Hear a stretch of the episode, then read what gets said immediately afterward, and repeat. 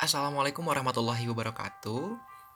Kembali lagi dengan saya um, Hilman di podcast Genre Gaul. Kali ini saya sendiri tidak bersama dengan Kak karena ada kepentingan lain. So kali ini kita mau bahas tentang pendidikan seksual. Nah, mengingat nih kemarin pada tanggal 4 September tahun 2019 diperingati sebagai Hari Kesehatan Reproduksi Sedunia gitu. Jadi ada World Sexual Health Day. Jadi kemarin ini ya temanya ini adalah uh, sexual sexuality education for all is a bridge to sexual health. Jadi maksudnya adalah pendidikan seksualitas untuk semua kalangan gitu ya adalah jembatan katanya jembatan menuju kesehatan seksual kesehatan reproduksi gitu nah berhubung temanya adalah kesehatan reproduksi ya pendidikan seksual kita mau bahas itu ya kupas tuntas sampai lengkap di podcast episode 7 kali ini oke okay? Selamat mendengarkan. So, kita mulai dari sebetulnya pendidikan seksual atau edukasi seksual ini apa sih? Nah, jadi pendidikan seksual adalah kegiatan katanya, kegiatan untuk mengajarkan gitu ya mengenai kesehatan reproduksi gitu. Jadi tujuan dari pendidikan seksual gitu atau edukasi seks ini adalah untuk menyadarkan gitu, menyadarkan pentingnya kesehatan reproduksi sehingga sehingga nih tindakan pelecehan seksual, kekerasan seksual maupun penyakit menular itu bisa dicegah gitu. Sebetulnya pendidikan seksual ini memang bertujuan untuk mengajarkan gitu ya, mengajarkan mengenai organ kesehatan reproduksi, bisa juga penyakit menular seksual, HIV AIDS, kehamilan dan kontrasepsi yang dapat digunakan gitu kan. Nah, Pendidikan seksual ini juga bisa mencegah terjadinya tindak kekerasan seksual, pemerkosaan, seks di luar nikah dan juga pernikahan di usia dini gitu. Nah, selain itu juga sih emang bisa mengurangi dampak buruk dari penyerapan informasi katanya yang tidak aman dan tidak akurat melalui internet gitu. Jadi penting banget sih sebenarnya edukasi seksual ini karena bisa dapat dimulai sejak kecil. Nanti kita bakal bahas step by stepnya bagaimana pendidikan seksual harus dilakukan gitu. Atau misalnya ketika bisa dimulai ketika anak laki-laki mulai mengalami mimpi basah dan anak perempuan mengalami menstruasi itu kan mereka harus penting dikasih diberikan pendidikan seksual sejak dini begitu. Nah, kemudian nih eh pendidikan seksual ini uh, memang agak berbeda gitu ya di berbagai negara. Uh, jadi di Indonesia sendiri pendidikan seksual masih tuh masih belum mengalami kemajuan gitu. Nah, menurut survei kementerian katanya menurut survei Kementerian Kesehatan pada tahun 2011 memang masih lama sih. Hanya 20% remaja usia 14 sampai 20 tahun yang mempunyai pengetahuan komprehensif seputar HIV yang direlasikan dengan perilaku seksual. Jadi hanya 20% aja gitu remaja berusia 10 sampai eh mohon maaf remaja 14 sampai 20 tahun yang mereka tuh punya pengetahuan uh, seputar HIV yang berhubungan dengan perilaku seksual. Apa dampaknya, bagaimana uh, faktor penularan HIV itu sendiri gitu kan. Itu hanya 20% dan itu sangat ironis sekali begitu ya karena banyak sekali oknum-oknum yang terjangkit HIV ini di kalangan remaja seperti itu. Nah sebetulnya pendidikan seksual ini bentuknya kayak apa sih gitu kan? Bentuknya itu nanti banyak sih sebenarnya pendidikan seksual ini kayak kita memberikan edukasi kepada uh, anak misalnya dari sedini mungkin kepada remaja bagaimana sih uh, mengenalkan yang berbau seks kepada mereka, tapi tentunya dengan baik dan benar. Nanti kita akan bahas itu, oke? Okay? Uh, eh, jadi intinya ya tujuannya dari pendidikan seks ini mempelajari organ reproduksi kayak gitu-gitu, mencegah adanya bentuk kekerasan seksual dan pemerkosaan, mencegah pernikahan usia muda ya seperti yang kita tahu pernikahan usia muda itu sangat beresiko, kemudian mencegah perilaku seks yang tidak aman, mencegah penyerapan informasi yang tidak aman dan akurat juga sih sebetulnya. Gitu. Terus kita mau lihat bahas ya tentang uh, sebetulnya hari kesehatan reproduksi sedunia ini gimana sih asal mulanya gitu kan.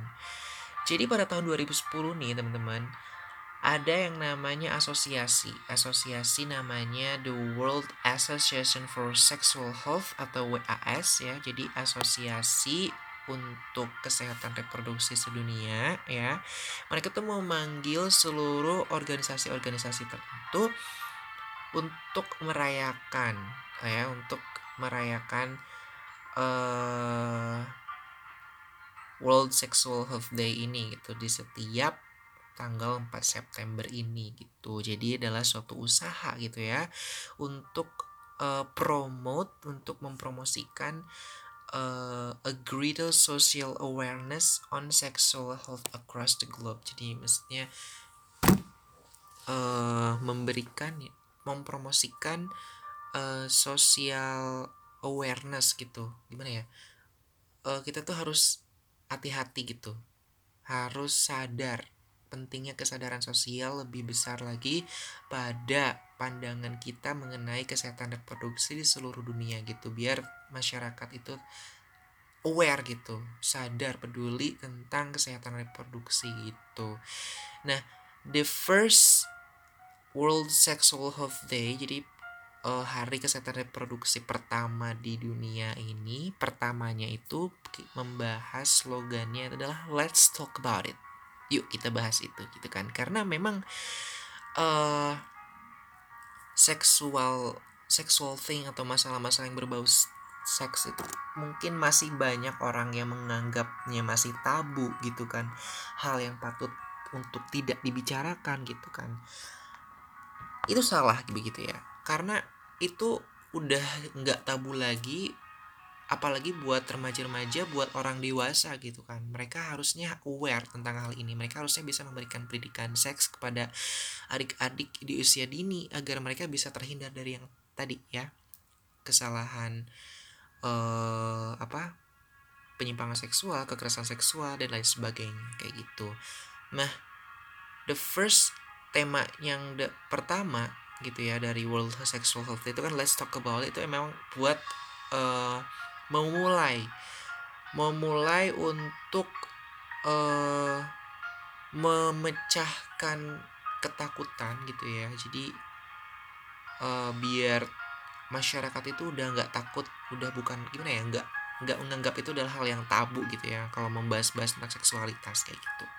Jadi World Sexual Health Day ya hari kesehatan reproduksi di seluruh dunia itu telah dirayakan di seluruh dunia di 35 negara ya dengan uh, aktivitas-aktivitas dari berbagai negara itu sendiri itu berbeda-beda gitu ya.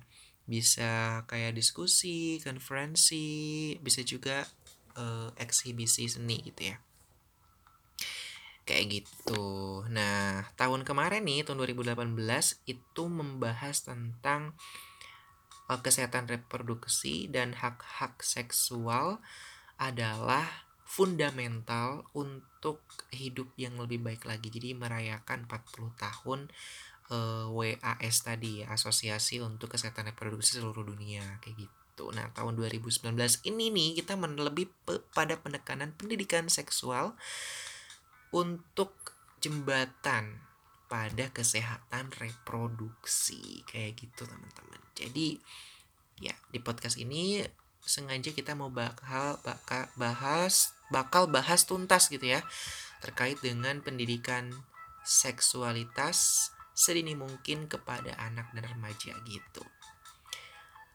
Nah, sebelum kita bahas itu kita lihat dulu yuk bagaimana uh, pendidikan seks di seluruh dunia gitu ya. Mungkin buat sedikit gambaran aja sih dan ilmu pengetahuan buat kita teman-teman. Ya khususnya kalian pada remaja gitu. Nah sebetulnya di luar negeri ini memang sudah menjadi bagian dari pelajaran mereka gitu katanya sih yang tentunya disesuaikan dengan usia dong. Gak mungkin kan usianya misalnya anak SD udah belajar-belajar uh, pembuahan dan lain sebagainya fertilisasi itu kan nggak mungkin ya. Jadi disesuaikan dengan usia. Nah jadi setiap negara ini memilih cara tersendiri gitu katanya dalam menerapkan pendidikan seks gitu. Kemudian da dari berbagai sumber ini ya Kak Hilman udah ngerangkum. Yang pertama nih di negeri Belanda. Nah, di Belanda ini katanya anak-anak yang masih TK ini diberikan pemahaman dasar tentang apa itu cinta ya, bagaimana seorang itu menunjukkan kasih sayang gitu kan dan sebagainya. Kalau di Norwegia sendiri anak nih anak-anak usia 8 sampai 12 tahun itu menonton serial video edukasi tentang seks gitu. Kalau di Swedia beda lagi, mereka menonton video tentang alat reproduksi sebagai dasar untuk pendidikan seks di jenjang selanjutnya gitu. Jadi kayak mereka lebih ke video edukasi gitu ya. Alat reproduksi, kemudian tentang seks gitu kan.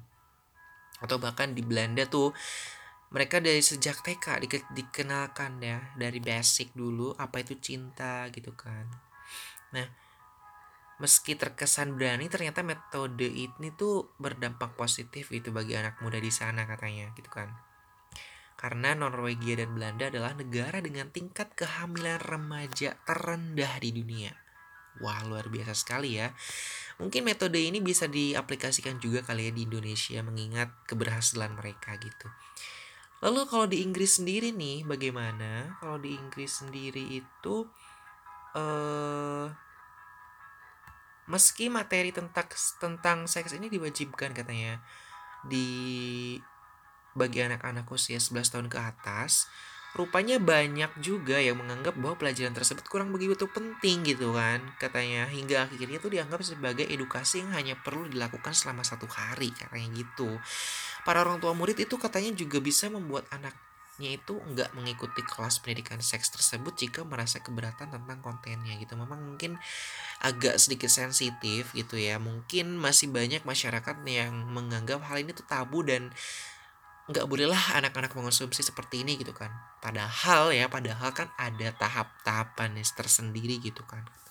Maksudnya disesuaikan dengan usianya gitu kan kontennya juga. Nggak mungkin dong anak SD atau anak SMP dikasih uh, video edukatif yang bagaimana yang terlalu sensitif atau vulgar itu kan nggak mungkin juga gitu Kemudian kalau di Tiongkok nih teman-teman, di Tiongkok itu meski memiliki penduduk yang paling banyak di dunia, namun ternyata masih ada aja gitu ya di, di Tiongkok ini masyarakat Tiongkok ini yang ternyata belum memahami seks gitu. Hal tersebut diperkuat ketika katanya ada berita nih tentang pasangan yang memutuskan untuk berbaring bersama di atas ranjang selama tiga tahun karena ingin hamil gitu. Heran gitu ya. Uh, kini katanya banyak perempuan di sana yang rela membayar untuk mengikuti kelas seks. Beberapa universitas juga menyediakan vending machine gitu ya. Jadi alat untuk mengetahui apakah mereka itu terkena HIV atau enggak gitu kan. Buku pelajaran tentang pendidikan seks juga sempat diperdebatkan katanya di sana dan akhirnya dihilangkan setelah mendapatkan protes keras daripada orang tua murid. Kembali lagi sih ke tadi mungkin masih banyak orang-orang yang belum bisa menerima gitu ya. Ini terlalu sensitif nih mungkin kayak gitu buat anak mereka gitu. Ya begitulah gitu ya. Masih banyak lagi sih sebenarnya di negara-negara lain gitu ya. Kalau di Indonesia sendiri nih melansir dari situs Study International pendidikan seks di Indonesia ini ternyata dipandang sebagai pengetahuan luar gitu atau ekstrakurikuler yang artinya bukan hal yang wajib gitu gitu kalau di Indonesia. Benar nggak nih teman-teman? Kayaknya bener ya. Kita nggak dapetin share langsung di sekolah sih. Kebanyakan orang tua katanya nggak memahami topik atau tahu bagaimana tuh memberikan pendidikan seks kepada anak-anaknya. Hal tersebut diserahkan kepada pemerintah untuk memastikan bahwa nih para guru di sekolah itu memiliki pengetahuan yang baik dan bisa menyampaikan edukasi ini kepada muridnya. Tapi sebenarnya iya juga sih kata kalau kata aku memang kebanyakan orang tua kalau di Indonesia sendiri masih kurang pemahaman tentang edukasi seks kepada anaknya gitu. Makanya sering sering gak sih kalau temen-temen dapet wejangan gitu ya dari ibu guru bapak guru di sekolah gitu ya dapat pendidikan seks tentang edukasi seks ini gitu. Secara tidak langsung sih sebenarnya gitu. Jadi mereka ya lebih memasrah kepada para orang tua murid ini lebih memasrahkan kepada guru di sekolah kayak gitu. Banyak juga sih remaja Indonesia yang diingatkan berhubungan seks itu berbahaya ya kan? Namun enggak diajarkan kenapa seks itu berbahaya atau bagaimana melakukannya dengan aman. Enggak sedikit juga anak muda yang dipaksa menikah karena kecelakaan ya. Meski demikian sudah banyak orang dan organisasi yang meminta pemerintah sih untuk merevisi program pendidikan untuk anak muda terutama tentang pendidikan seks gitu. Memang seperti sebetulnya memang harus ada sih program yang khusus tentang edukasi seksual kepada remaja dan anak gitu biar mungkin tadi ya kak kayak Belanda dan Norwegia gitu ya ada video edukatif atau mengenalkan apa itu cinta dari sejak mereka TK gitu ya. Sebenarnya program-program itu memang mesti dicoba dulu sih gitu ya. Karena kultur mereka sama kita mungkin agak sedikit beda juga jadi mungkin adanya perlu adaptasi untuk uh, program tersebut diaplikasikan di negara kita gitu. Tapi sebenarnya nggak ada salahnya juga gitu kan untuk mencoba gitu kan. Daripada nggak mencoba terus kita masih stuck stuck aja di sini gitu kan. Mau dibawa ke mana? Masa depan Indonesia gitu kan. Apalagi kan remaja ini kan calon gitu, calon penerus bangsa gitu. Agent of change itu kan kalau kata orang. Gitu sih kalau dari India nih di India tuh bahkan katanya ya sebanyak 53% anak anak gitu ya usia 5 sampai 12 tahun adalah korban kekerasan seksual. Ngeri banget nggak sih kayak 5 tahun gitu sampai 12 tahun itu masih ya Allah dede-dede gitu ya masih polos-polos banget gitu kan kayak mereka tuh ke, malah jadi korban kekerasan seksual kekerasan seksual tuh bagaimana ceritanya gitu kan Times of India melaporkan lebih dari 50% anak perempuan di daerah pedesaan itu masih tak mengerti soal menstruasi. Masya Allah. Harusnya sebagai orang tua itu harus bisa memberikan edukasi masalah kayak begini kan masalah maksudnya basic gitu kan maksudnya nggak terlalu apa ya nggak terlalu rumit untuk dijelasin juga gitu kepada anak gitu tapi malah di India itu 50 persen lebih anak perempuan di daerah pedesaan India itu malah tak mengerti soal menstruasi gitu kan. Katanya gitu. Jadi uh, gimana ya penting banget sih sebenarnya dari orang tua itu sendiri untuk pendidikan seks. Kalau di negara tangga nih di Malaysia Kementerian Pemberdayaan Perempuan, Komunitas dan Keluarga telah mengusahakan pendidikan seks yang baik katanya. Kini pendidikan seks telah terintegrasi dengan mata pelajaran seperti moral dan studi Islam, IPA dan biologi katanya. Jadi kalau di Malaysia itu lebih mereka di sekolah itu udah ada eh, pendidikan seks gitu di dalam mata pelajaran. Tetapi pendidikan seks itu hanya fokus pada aspek biologis dan mengesampingkan aneka detail krusial seperti kesejahteraan secara emosional dan pentingnya penggunaan kontrasepsi. Ya, memang gitu sih ya. Selalu aja ada kekurangan gitu ya. Tapi nggak apa-apa gitu kan namanya juga berproses. Mungkin mereka masih uh, mencanangkan program lain gitu ya, mempersiapkan program lain atau mungkin masih mencari-cari bagaimana caranya gitu kan. Dewan Malaysia sendiri untuk kesejahteraan anak memutuskan untuk melakukan sesuatu. Maksudnya uh, mereka merancang pendidikan seks yang lebih baik dengan detail kesehatan reproduksi untuk anak dan remaja gitu.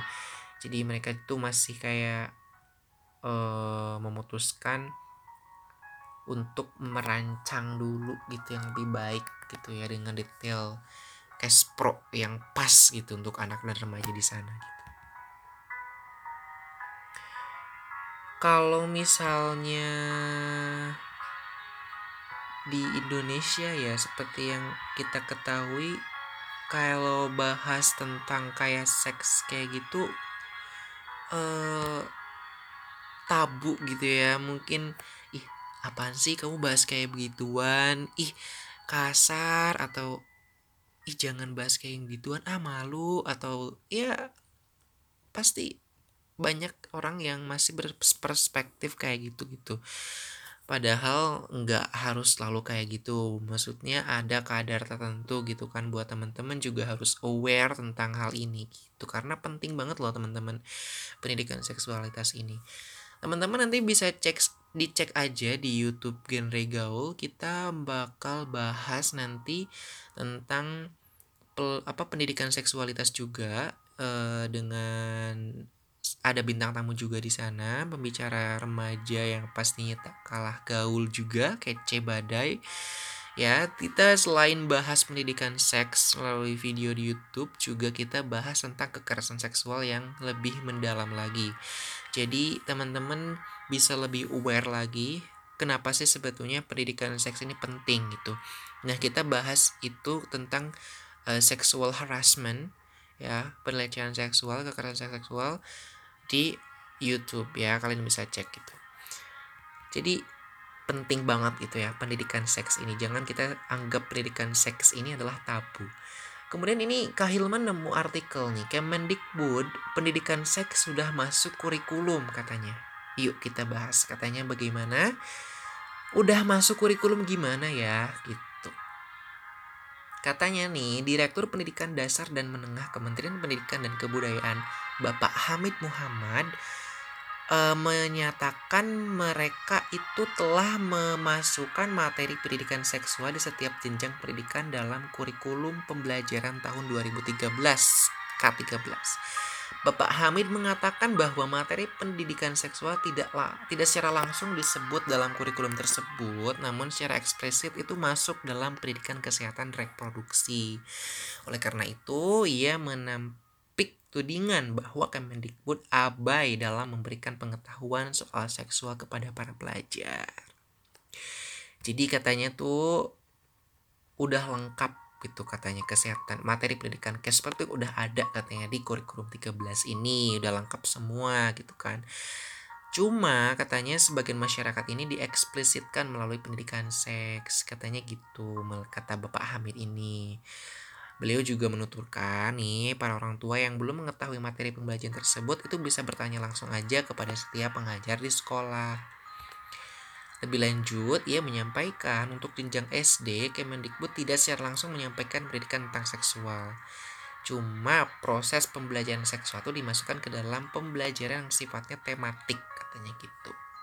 Jadi di SD itu ada pelajaran tematik, tidak ada pelajaran khusus ilmu pengetahuan alam e, seperti biologi, fisika, atau pendidikan seksual tertentu itu. Nah, jadi pendidikan seksual itu ada di tema-tema tertentu misalnya masalah pengenalan diri jadi memperkenalkan kepala mata fungsinya terus apa diperkenalkan kayak gitu gitu loh kalau di SD katanya gitu.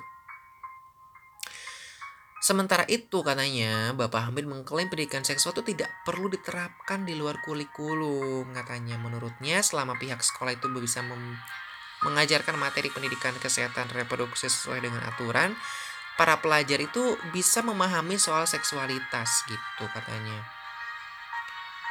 Itu masalah pembiasaan, masalah budi pekerti dan seterusnya itu tidak ada tidak ada masalah katanya kalau kalau sekolah itu sudah menerapkan pendidikan kesehatan reproduksi dengan benar, uh, itu sudah cukup, tidak usah nambah lagi katanya gitu.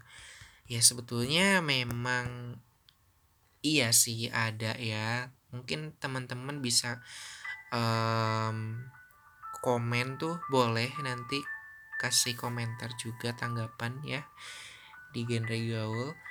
Uh, kalian mendapatkan edukasi kesehatan reproduksi seperti apa sih di sekolah gitu kan? Kalau apakah kalian tidak mendapatkannya atau mungkin kalian belum sadarkah atau kalian udah dapet bentuknya seperti apa gitu kan. Dan memang sih hmm, tidak secara langsung gitu. Pendidikan seksual bentuk kesehatan reproduksi diajarkan di sekolah tapi mereka itu lebih ke tidak langsung gitu secara tidak langsung.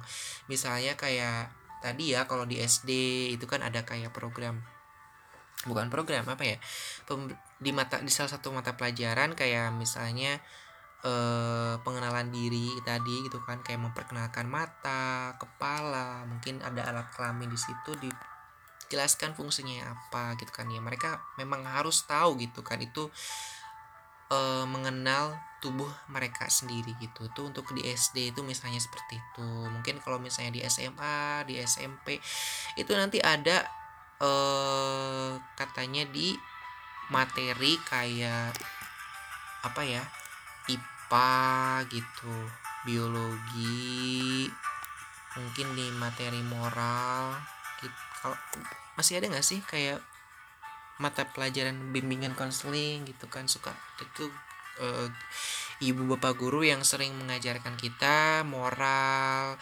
etika mungkin di situ diajarkan secara tidak langsung begitu.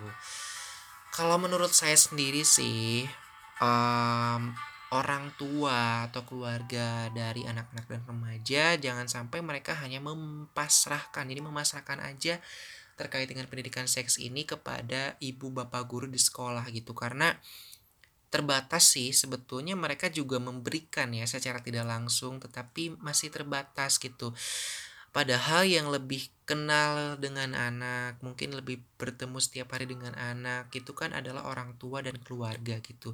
Lebih enak lagi ketika orang tua itu juga turut andil berperan dalam memberikan edukasi seks kepada anak dan remaja di rumah gitu. Jadi bukan hanya di sekolah tetapi mereka juga di rumah bisa mendapatkan edukasi seks begitu penting sih penting banget gitu bukan hal yang enggak penting kalau nggak penting kenapa harus ada? Maksudnya uh, ini tuh sangat urgensi banget itu. Urgensinya adalah banyak sekali kasus-kasus saat ini mulai dari pemerkosaan ya kayak nggak ada habisnya aja ya. Pelecehan seksual gitu kan nggak ada habisnya juga itu kasus. Kemudian penyimpangan seksual gitu ya banyak kan saat-saat ini gitu ya yang malah heboh banget di penyimpangan seksual nah itu faktor-faktor kasus-kasus itu tuh dari faktor apa? Salah satunya dari pendidikan seks ini. Mereka tuh kurang mendapatkan pendidikan seks ketika mereka masih kecil um, atau uh, ketika mereka masih remaja gitu kan. Nah, itu nyambung ke kekerasan seksual nih teman-teman gitu kan. Mereka uh, menjadi seperti itu karena apa? Balik lagi tadi mereka enggak mendapatkan edukasi dari awal gitu. Akhirnya mereka uh, menjadi menyimpang atau misalnya mereka menjadi kelainan gitu ya mungkin mereka lebih berani melakukan hal-hal yang tidak senonoh gitu. Apalagi di depan umum di tempat umum kan masih banyak tuh kasus-kasus pelecehan. Di tempat umum kayak di bis atau di ya di tempat umum yang lain gitu kan. Pokoknya kita sebenarnya bahas sih di video kekerasan seksual seksual harassment di YouTube. Kalian bisa cek aja. Karena kalau dibahas lagi di sini nanti kayak double gitu kan jadi di sini tuh lebih bahas kupas tentang pendidikan seks gitu. Sebenarnya di YouTube juga ada sih video pendidikan seks uh, dengan bintang tamu juga ada di situ. Cuma di sini ada di sini lebih dikumpas lebih dalam aja sih. Jadi ada sedikit membedakan gitu dari video dan di podcast biar teman-teman bisa mendapatkan informasi yang lebih dalam lagi tentang pendidikan seks gitu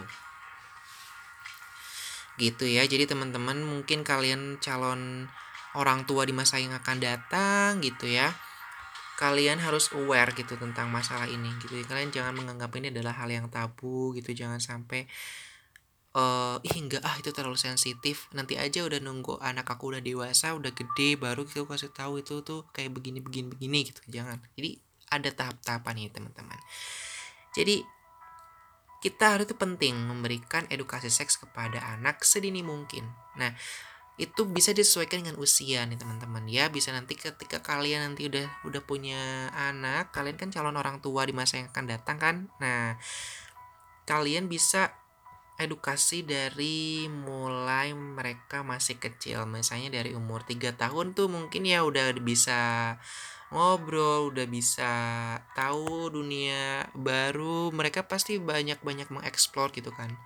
Bisa diajarkan gitu kan. Mulai aja dengan hal yang mendasar gitu. Nih misalnya ya untuk oh iya jadi pengenalan dulu ya. Jadi nih eh ada ada panduan pendidikan seksual untuk anak menurut UNICEF, UNICEF, UNICEF dan WHO. Jadi UNICEF ini adalah uh, organisasi yang menitik beratkan memfokuskan kepada anak-anak itu di seluruh dunia. Kalau WHO itu organisasi kesehatan di seluruh dunia ya. Jadi menurut UNICEF dan WHO itu ada pendidik panduannya ya pendidikan seksual untuk anaknya. Uh, bagaimana ini ada pertanyaan nih bagaimana dan kapan sih waktu yang tepat memberikan pendidikan seksual untuk anak-anak dan remaja jadi pertanyaan itu katanya tuh sering muncul belakangan ini karena katanya sih ramainya perdebatan tentang kelompok LGBT tadi yang menimbulkan dilema katanya bagi para orang tua. Jadi sebetulnya bagaimana dan kapan gitu waktu yang tepat untuk memberikan pendidikan seksual untuk anak dan remaja agar mereka tidak memiliki penyimpangan seksual atau menjadi korban atau bahkan amit-amit pelaku gitu dari uh, sexual harassment gitu. Jadi nih, menurut International Guidance Sexuality Education volume 2 membagi pendidikan seksual anak ke dalam 4 level. Nah, level yang pertama nih untuk anak usia 5 sampai 8 tahun itu kita bisa memberikan edukasi mulai dengan hal yang dasar ya Jelaskan kepada anak fungsi dan peran keluarga serta masing-masing anggotanya. Misalnya kan keluarga itu terdiri dari ayah, ibu, anak. Di situ kan secara tidak langsung eh perlahan-lahan anak tahu ada ayah, ada ibu, berarti ada anak. Nah, gitu maksudnya. Jadi ayah dan ibu berperan sebagai orang tua yang bertanggung jawab terhadap anak-anak. Setiap anggota keluarga harus saling menjaga satu sama lain. Kemudian komunikasi yang baik gitu antar anggota keluarga akan membangun hubungan yang sehat dalam keluarga juga gitu kan. Bisa juga uh, orang tua bisa bilang ke anaknya kalau Gini, adik bisa berbagi cerita apa saja dengan anggota keluarga, cerita sedih, cerita senang. Jika ada yang ingin adik tanyakan, tanyakan saja pada ibu, ayah, atau kakak. Itu kan secara tidak langsung juga mengenalkan gitu ya. Itu kan masih hal yang mendasar gitu. Oh, saya punya ayah, oh saya punya ibu, saya punya kakak, mereka adalah keluarga saya gitu. Nanti anak juga perlahan-lahan akan seperti itu, seperti itu ya. Terus yang kedua, bisa belajarkan untuk berteman dengan siapa pun. Jadi pertemanan itu berlandaskan pada rasa percaya, peduli, empati, solidaritas gitu ya. Jadi teman itu bisa ditemukan di mana aja, seperti di lingkungan rumah misalnya, sekolah, tempat ibadah, macam-macam kan, bisa di mana aja gitu. Mereka bisa uh, berteman dengan siapa pun tanpa melihat uh, perbedaan apa apa pun gitu istilahnya lah ya. Jadi biar anak itu bisa tahu loh ada laki-laki ada perempuan gitu. Jadi mereka bisa tahu secara tidak langsung dari mereka berteman gitu. Kemudian yang ketiga cara mengekspresikan cinta dan kasih. Banyak sih cara mengekspresikan cinta gitu. Ini jangan lupa ini untuk 5 sampai 8 tahun. Cinta kepada anggota keluarga dan teman itu ditunjukkan dengan kata-kata dan perbuatan ajarkan anak untuk mengatakan salam dan berterima kasih. Misalnya, aku sayang ibu, aku cinta ayah, menunjukkan rasa sayang dan cinta gitu kan. Cinta pada saudara atau teman dapat dilakukan dengan saling berbagi dan saling menjaga. Dari situ kan bisa diedukasi, bisa memberikan edukasi apa ya sedini mungkin kepada anak biar mereka mengenal apa itu cinta dan kasih kayak gitu kemudian bisa juga dikenalkan uh, anak dengan perbedaan. Nah mulai juga di anak-anak itu dikasih tahu perbedaan katanya. Setiap orang kan terlahir untuk layak dihargai ya enggak terlahir unik. Perbedaan itu bisa terjadi ya enggak sih? Karena bentuk visi, kepercayaan, keluarga, keadaan keluarga itu bisa menjadi perbedaan, ya enggak? Jadi perbedaan ini bukan menjadi halangan untuk bisa anak itu berteman dan mengeksplor lingkungan mereka gitu. Kondisi kesehatan seseorang juga tidak bisa jadi alasan untuk berteman dong gitu kan. Setiap orang memiliki hak yang sama untuk hidup dengan baik begitu. Kemudian kenalkan anak dengan arti pernikahan gitu. Setiap orang bisa memilih pasangan untuk menikah atau dijodohkan. Bisa mungkin ceritakan bagaimana orang tua bisa menikah, bagaimana ayah dan ibu bisa menikah kepada anak. Mungkin sembari dongeng gitu ya kepada 5 sampai 8 tahun itu kan masih masih gimana ya? mereka masih belum terlalu dalam gitu ya arti pernikahan itu seperti apa gitu masih mungkin bisa dalam bentuk mendongeng bercerita gitu kan gitu kemudian level 2 ya ini kan 4 level level 2 nya untuk anak usia 9 sampai 12 tahun nah yang pertama uh, peran dan tanggung jawab anggota keluarga. Jadi di usia ini anak ini tak hanya tahu peran tapi juga harus tahu gitu tanggung jawab sebagai anggota keluarga. Misalnya kakak dan adik gitu. Juga bertanggung jawab saling menjaga satu sama lain, menjaga selama bermain. Itu kan jika ada hal yang membahayakan, kakak dan adik harus bisa memberitahu ayah dan ibu gitu.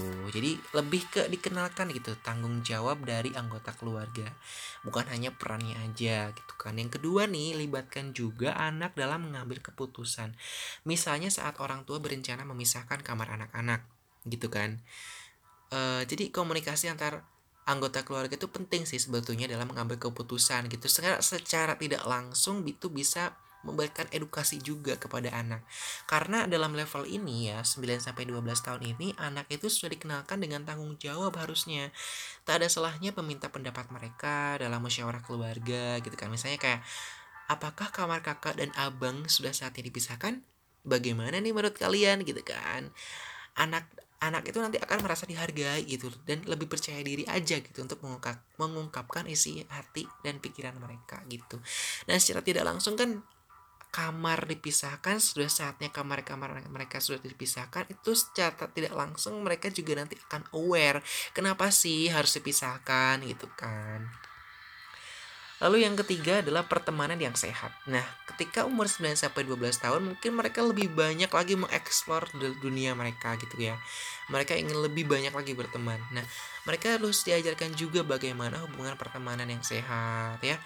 Sehat dan tidak sehat itu bagaimana gitu kan jika terjadi kekerasan seperti memukul, mencaci atau membuli artinya hubungan mereka pertemanan mereka nggak sehat, melecehkan, mengucilkan dan memukul atau uh, memukul itu ya itu melukai hati seseorang itu nggak baik gitu kan. Setiap orang bertanggung jawab membela orang yang dilecehkan dibully atau dikucilkan. Jika adik atau kakak melihat ada teman yang dipukul atau diparas teman yang lain segera beritahu ibu ayah atau bapak ibu guru di sekolah gitu bilangin. Bisa kan? Hmm, Kemudian bisa juga ya pernikahan bisa dijelasin lebih lanjut lagi kepada anak gitu. Menjadi orang tua dan tanggung jawabnya itu bagaimana? Karena mereka itu mau masuk ke mereka mau gimana ya? tahap pubertas sih gitu kan. Mungkin mereka udah tahu bagaimana mimpi basah, bagaimana menstruasi mereka pasti udah merasakan. Jadi lebih ke persiapkan ke level yang selanjutnya gitu biar mereka tuh nanti ngeh gitu ketika udah di level 3 mereka udah dapat edukasi tentang ini gitu. Jadi ini adalah dasar banget sih pendidikan seksual untuk anak. Jadi orang dewasa yang telah menikah menjadi orang tua karena kehamilan gitu kan adopsi atau cara lain untuk punya anak. Jadi bisa jelasin lebih detail apa itu hamil mengapa orang mengadopsi anak gitu kan. Setiap orang itu berhak memutuskan untuk menjadi orang tua termasuk mereka yang di difabel atau yang sedang sakit begitu. Kemudian level 3 nih, anak usia 12 sampai 15 tahun. Jadi pada masa ini e, mungkin anak itu udah mengalami pubertas ya tadi. Mereka mulai mengerti apa itu cinta kerjasama ya nggak persamaan gender dan kepedulian kepada keluarga dan teman. Tak hanya keluarga teman sebaya itu sangat berpengaruh pada anak di level ini. Jadi pada level ini rentan banget mulai terjadinya konflik antara anak dan orang tua karena emosi masa pubertas anak gitu. Jadi nanti uh, orang tua orang tua ini harus uh, gimana ya paham betul gitu. Anak saya sedang pubertas, emosinya sedang labil gitu. Jadi ya pintar-pintarnya orang tua aja sih mengendalikan mereka begitu. Nah, hal yang perlu dijelaskan pada anak di usia ini adalah yang pertama adalah pertemanan itu bisa jadi memberi dampak positif dan negatif katanya. Pertemanan yang terlalu dekat bahkan bisa berakhir dengan hubungan seksual kayak gitu. Hubungan seksual yang terlalu ini bagaimana? Berisiko pada kesehatan reproduksi karena hamil di usia muda dan berdampak negatif itu bisa mempengaruhi masa depan mereka gitu. Nanti dampaknya juga psikologisnya mereka juga ikut gitu. Misalnya jika hamil saat pada masa sekolah nanti anak-anak cenderung malu meneruskan sekolah gitu ya. Lalu yang kedua pelecehan dan kekerasan dalam pertemanan bisa terjadi karena perbedaan gender dan labelisasi. Jadi setiap orang itu bertanggung jawab gitu ya melawan kekerasan bias dan intoleransi dalam hubungan, dalam hubungan pertemanan gitu Kemudian yang ketiga, pernik pernikahan akan bahagia jika berdasarkan cinta, toleransi, menghargai dan tanggung jawab. Gitu. Jadi, pernikahan yang terlalu cepat di bawah 20 itu rentan mendapatkan pandangan negatif dan beresiko untuk kesehatan. Jadi pada poin ini adalah orang tua itu bisa menjelaskan lebih detail deh gitu soal anatomi tubuh dan organ reproduksi biar mereka tuh uh, aware aja gitu loh tentang seks itu. Hindari juga kata-kata yang dianggap tabu gitu. Tetap gunakan kata vagina dan penis untuk menjelaskan alat vital manusia. Jadi bagian ini juga bagian inti dalam pendidikan seksual untuk anak kayak gitu. Jelaskan juga secara ringkas proses pembuahan gitu ya yang menyebabkan seseorang bisa hamil tentang terangkan juga resiko kalau misalnya hubungan seksual yang tidak sehat, misalnya karena terlalu dini, ganti-ganti pasangan yang menyebabkan penyakit kanker bahkan HIV AIDS yang tentunya mematikan gitu kan. Jadi anak-anak tahu, remaja tuh bisa tahu. Oh iya, ini bahaya. Oh iya, jadi mereka tuh tahu batas gitu ya bisa juga disesuaikan dengan peraturan agama dan kepercayaan yang kalian anut begitu. Nah, kemudian level terakhir di level 4 adalah usia 15 sampai 18 tahun ke atas. Jadi kalau di sini mereka udah mungkin cukup bisa dianggap dewasa gitu ya, udah mulai dewasa pemikirannya, udah beda lagi. Jadi peran keluarga ini bisa berubah ketika ada anggota keluarga yang hamil, menolak menikah atau menunjukkan orientasi seksual tertentu. Di sini orang tua itu bisa menjelaskan apa sih LGBT, bagaimana masyarakat memandang kelompok LGBT di negara ini gitu. Jadi mungkin kalau udah di tahun-tahun ini anak-anak tuh remaja tuh udah bisa dibilang di, di di, di, diberikan kasus yang lebih kompleks lagi gitu. Jadi anak itu perlu tahu bagai, bahwa di negara lain itu ada negara yang memberikan hak penuh misalnya pada LGBT biar mereka itu aware gitu kan tentang LGBT dan penyimpangan seksual. Ada juga um, hindari gitu memberikan stigma namun berikan alasan yang jelas mengapa Anda khawatir gitu misalnya karena uh, hal itu dilarang agama dan keyakinan keluarga jadi membiarkan anak itu paham betul dan menyadari dengan bijak kekhawatiran orang tua gitu. Bisa juga nih kita itu tidak boleh menyudutkan mereka karena mereka juga manusia uh, yang punya hak untuk hidup dengan baik gitu. Jadi jangan sampai kita mendiskriminasi atau menyudutkan atau membenci kelompok tertentu karena perbedaan pandangan gitu ya yang kedua anak itu harus mulai mengerti aturan dan hukum terkait pelecehan dan kekerasan seksual gitu ya. Ini udah mereka udah harus mulai dikasih edukasi yang mulai berbobot istilahnya gitu ya. Mereka harus tahu uh, ada hukum gitu bagi orang-orang yang melakukan pelecehan dan setiap orang itu harus bertanggung jawab atas pelecehan atau kekerasan yang mereka lakukan gitu. Nah, pelaku kejahatan seksual kan tidak mengenal usia, kelamin, dan orientasi seksual gitu kan. Gitu. Kemudian yang ketiga pernikahan itu bisa jadi hal yang sangat berharga dan penuh tantangan. Bisa juga dijelasin tentang pernikahan tadi yang lebih apa ya uh, berbobot lebih dalam lagi tentang pernikahan gitu. Jadi harus anak itu harus mengerti tanggung jawabnya terhadap sikap yang diambil dan keputusan terkait pernikahan itu sendiri gitu ya. Jadi jangan sampai nanti anak-anak tiba-tiba mama papa aku mau mau nikah aja gitu kan. Pada usia mereka belum cukup umur gitu misalnya. Orang tua itu bisa menyarankan anak itu untuk menunda menikah dan dan berhubungan seksual. Jangan sampai gitu minimal um, usia 21 tahun untuk pria uh, apa untuk wanita dan 25 tahun untuk pria gitu. Jadi anak-anak itu harus bisa menolak kekerasan dalam hubungan pernikahan Hubungan seksual yang sehat itu meliputi penggunaan pengaman dan alat kontrasepsi yang baik dan benar. Jadi mungkin bisa diceritain gitu ya. Alat kontrasepsi itu apa aja ketika di usia-usia seperti ini gitu. Biar nanti mereka juga bisa merencanakan kehidupan di masa yang akan datang dengan pasangan mereka suatu saat nanti gitu. Hmm, kayak mungkin dinamika rumah tangga tuh bagaimana aja sih gitu kayak mungkin lebih ke sharing-sharing aja sih antara orang tua dan anak kepada usia-usia seperti ini gitu mungkin itu aja sih kita udah kupas tuntas banget tentang pendidikan seksualitas gitu ya bagi anak dan remaja. Mudah-mudahan bisa bermanfaat banget tentunya. Mungkin kalau kalian punya temen ya bisa di share aja podcast ini biar bisa lebih informatif lagi dan bisa lebih bermanfaat bagi gitu ya uh, kalian ini ada calon orang tua gitu. Calon orang tua kalian harus aware tentang pendidikan seks. Nanti kalian bisa uh, mengaplikasikannya ketika kalian punya anak gitu ya. Atau mungkin kalian sekarang masih remaja kalian bisa juga kasih tahu ke orang tua kalian. Uh, ini loh pendidikan seksual gitu kan. Mungkin kalian masih punya adik kalian bisa juga memberikan pendidikan seks sedini mungkin kepada adik kalian gitu ya. Kasih tahu ke ke orang tua kalian kalian juga harus bisa memberikan pendidikan seks kepada mereka gitu.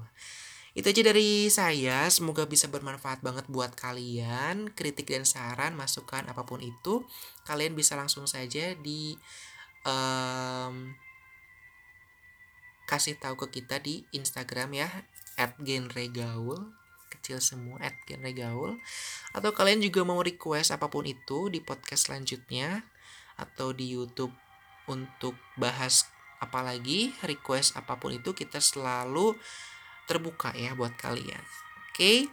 uh, eh, terima kasih telah mendengarkan sampai detik ini. Semoga bermanfaat ya buat teman-teman semua. Jangan lupa share. Terima kasih. Uh, wassalamualaikum warahmatullahi wabarakatuh